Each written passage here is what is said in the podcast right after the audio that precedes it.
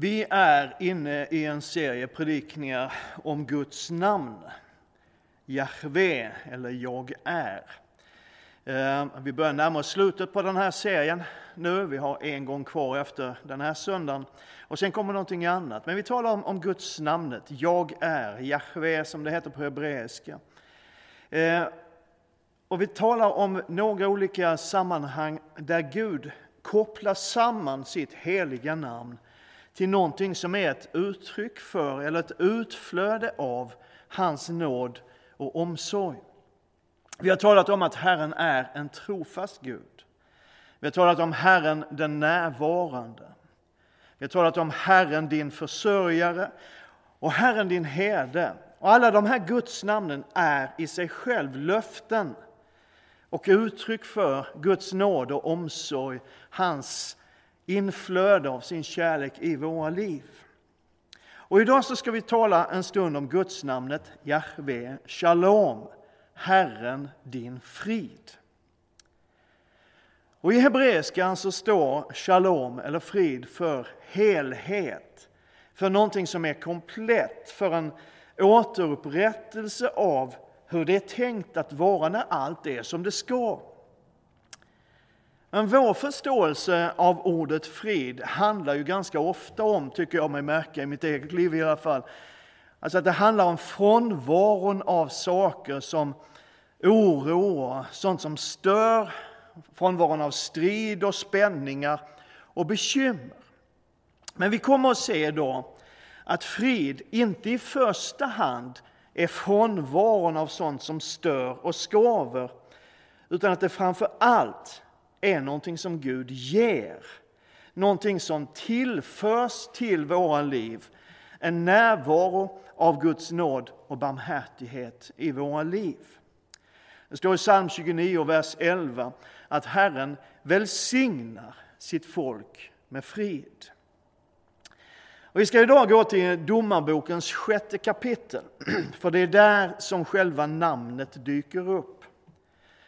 Och när vi går in i Domarboken så kommer vi rakt in i en orolig och stökig tid.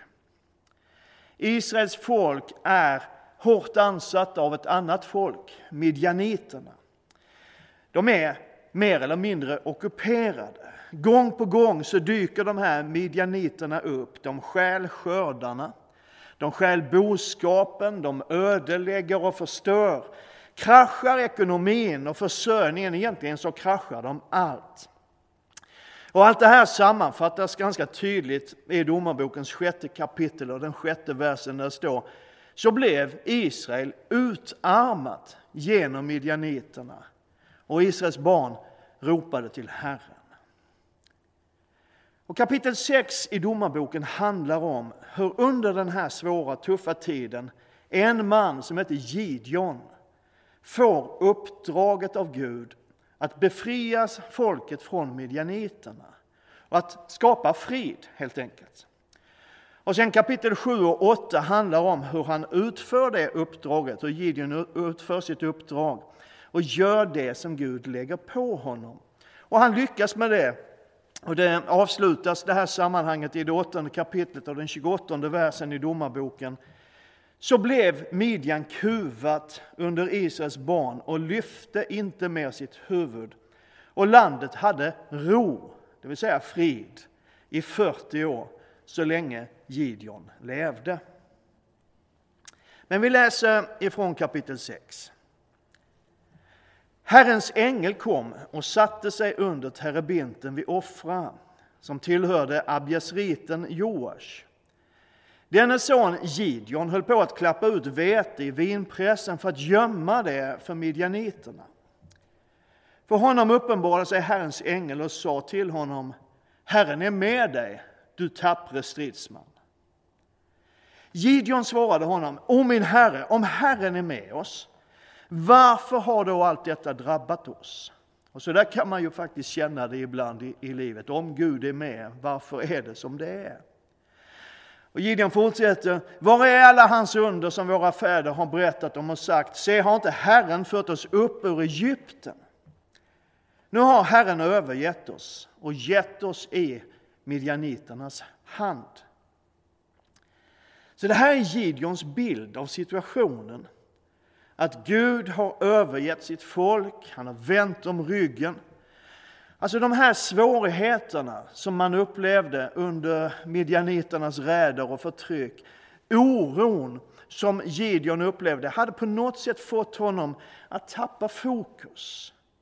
Och när vi tappar fokus så är det ganska nära till hands att vi börjar skapa tankebyggnader som inte stämmer. Och det hade Gideon gjort. Hans tankebyggnad var att Gud är inte här.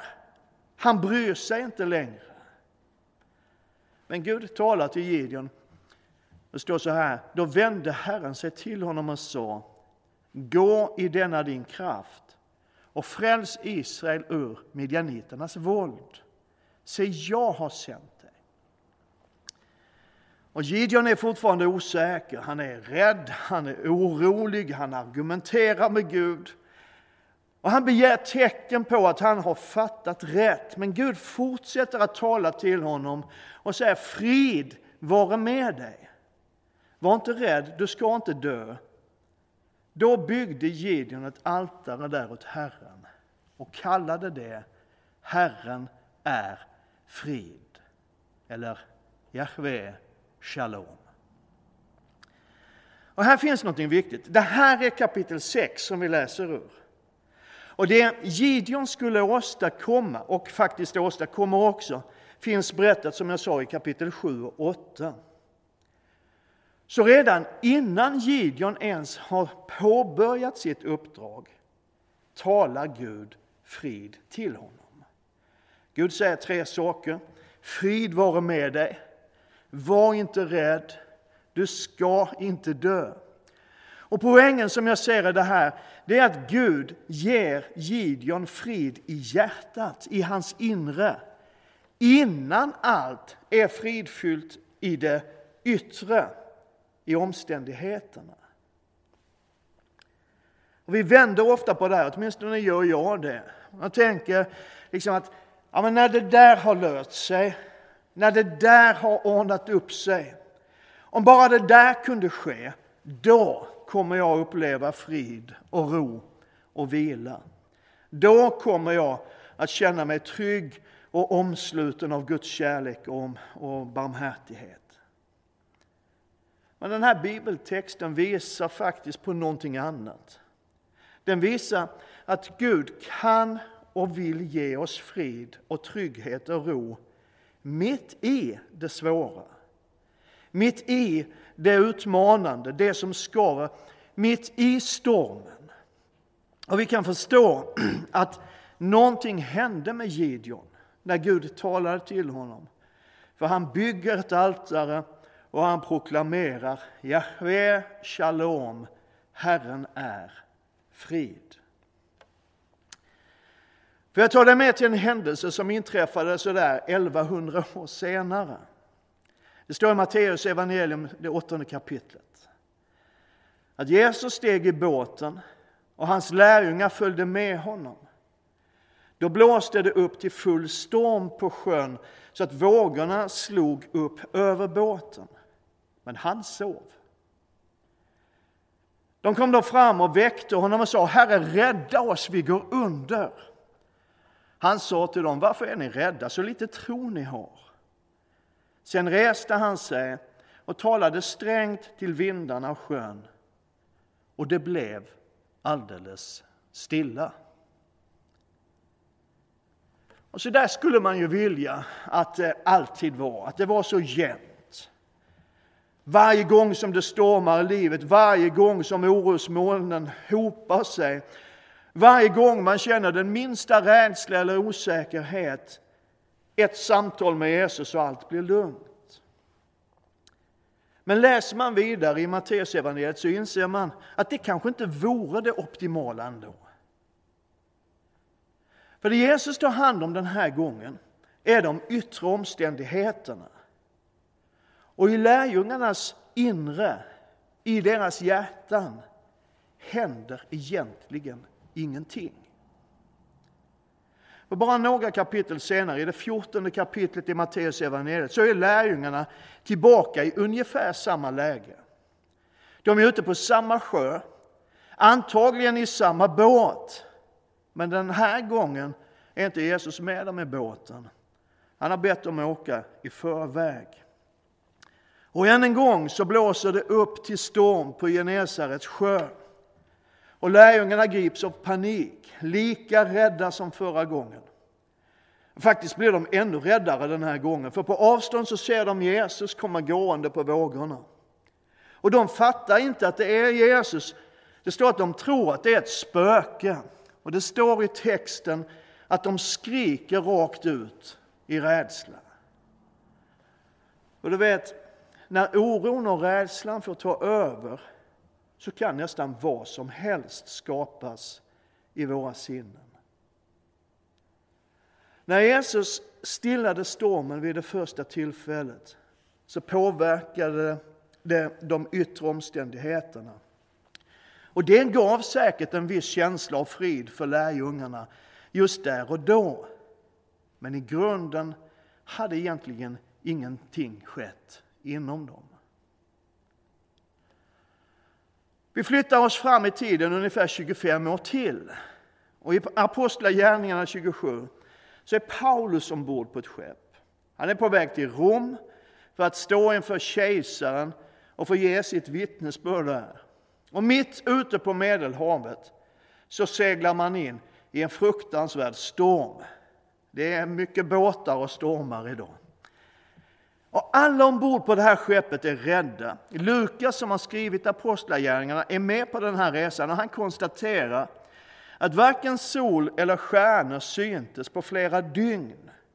Och den starka stormen låg på så att vi till sist förlorade allt hopp om räddning. Det var situationen, det var där de var. De hade tappat allt hopp om att bli räddade och att komma ur den här situationen. Och när det var så där riktigt jobbigt och uppgivet så klev Paulus fram. Han har också varit rädd. Han har uttryckt oro inför den här resan. Vi kan läsa om det tidigare i kapitlet. Men nu har det hänt någonting med honom. Då steg Paulus fram mitt ibland dem och sa Ni män skulle ha lytt mitt råd och inte gå ut från Kreta. Då hade ni besparat er den här skara, skadan och förlusten. Alltså Paulus kan inte låta bli att ge dem ett litet vad var det jag sa? Men nu uppmanar jag er, fatta mod. Inte en enda av er ska mista livet. Bara fartyget ska gå under. En ängel från den Gud som jag tillhör och tjänar stod nämligen hos mig i natt och han sa Var inte rädd Paulus, du ska stå inför kejsaren och alla som seglar med dig har Gud skänkt dig.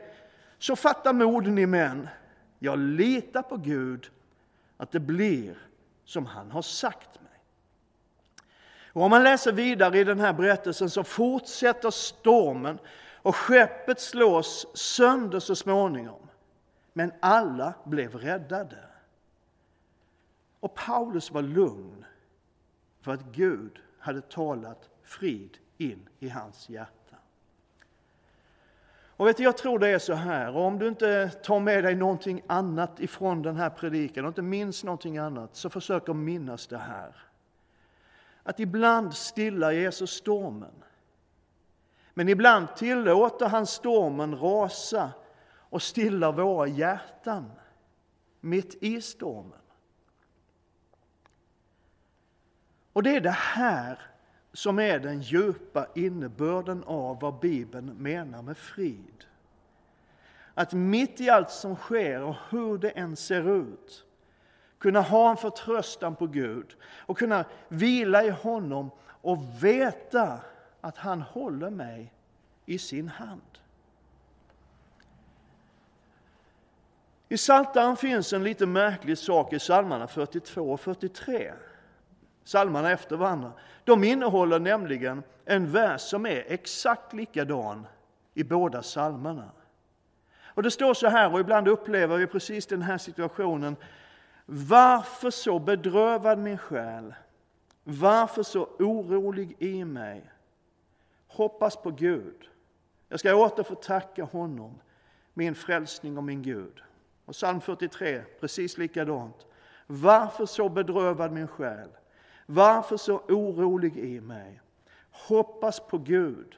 Jag ska åter få tacka honom, min frälsning och min Gud. Lyssna. Gud står fast vid sitt ord. Han står fast vid sina löften. Han kommer inte att svika dig. Han kommer inte att överge dig. Och Jag tror att det är viktigt att vi då och då, som med den här predikoserien, påminner oss om vem Gud är och vad han har lovat. Han är en trofast Gud som aldrig sviker. Han är en närvarande Gud som aldrig är långt borta från någon enda av oss. Han är Herren vår försörjare. Han är Herren vår herde som har omsorg om oss och han är Herren vår frid. Frid är inte, sa vi, inte bara och inte ens i första hand frånvaron av oro och svårigheter och sånt som stör och skaver, utan det är också och framför allt närvaron av den helige Ande i vår vardag och hur den vardagen än ser ut. När Jesus mötte sina förskrämda lärjungar efter uppståndelsen, när de hade låst in sig och socialt distanserat sig i sin rädsla, så hälsade han dem med orden Frid vare med er. Han sa det faktiskt två gånger liksom för säkerhets skull, ifall någon skulle ha missat det. Och så skriver Johannes att sedan han sagt detta andades han på dem och sa Ta emot den heliga Ande. Genom Jesus har vi frid med Gud. Och genom honom får vi också ta emot frid från Gud. Och Det finns ett fantastiskt löfte i Filipperbrevets fjärde kapitel. Där det står att om vi vänder oss till Gud med våra bekymmer, med våra önskningar, med allt som ligger över oss, så ska Guds frid, som övergår allt förstånd, bevara era hjärtan och era tankar i Kristus Jesus. En frid som övergår allt förstånd. Det är ju liksom nästan en frid mot bättre vetande. Du borde ju fatta att du i den här situationen skulle vara orolig, skulle ha ångest, skulle ha panik. Men det finns en frid som övergår det förståndet säger. En frid som är större än vad vi kan fatta. Och någonting händer i oss, i våra hjärtan och i våra sinnen när Gud genom den helige Ande talar sin frid in i oss. Gud vill ge dig sin frid. Oavsett hur din situation ser ut och oavsett vad det är som oroar och skaver. Bibeln innehåller så många löften om detta. Vi började dagens predikan med att citera från psalm 29. Herren välsignar sitt folk med frid. Och jag vill sluta idag med att påminna om den bön av välsignelse som vi så ofta avslutar våra gudstjänster med här i ena kyrkan. Det är den välsignelsebön som kallas den aronitiska välsignelsen.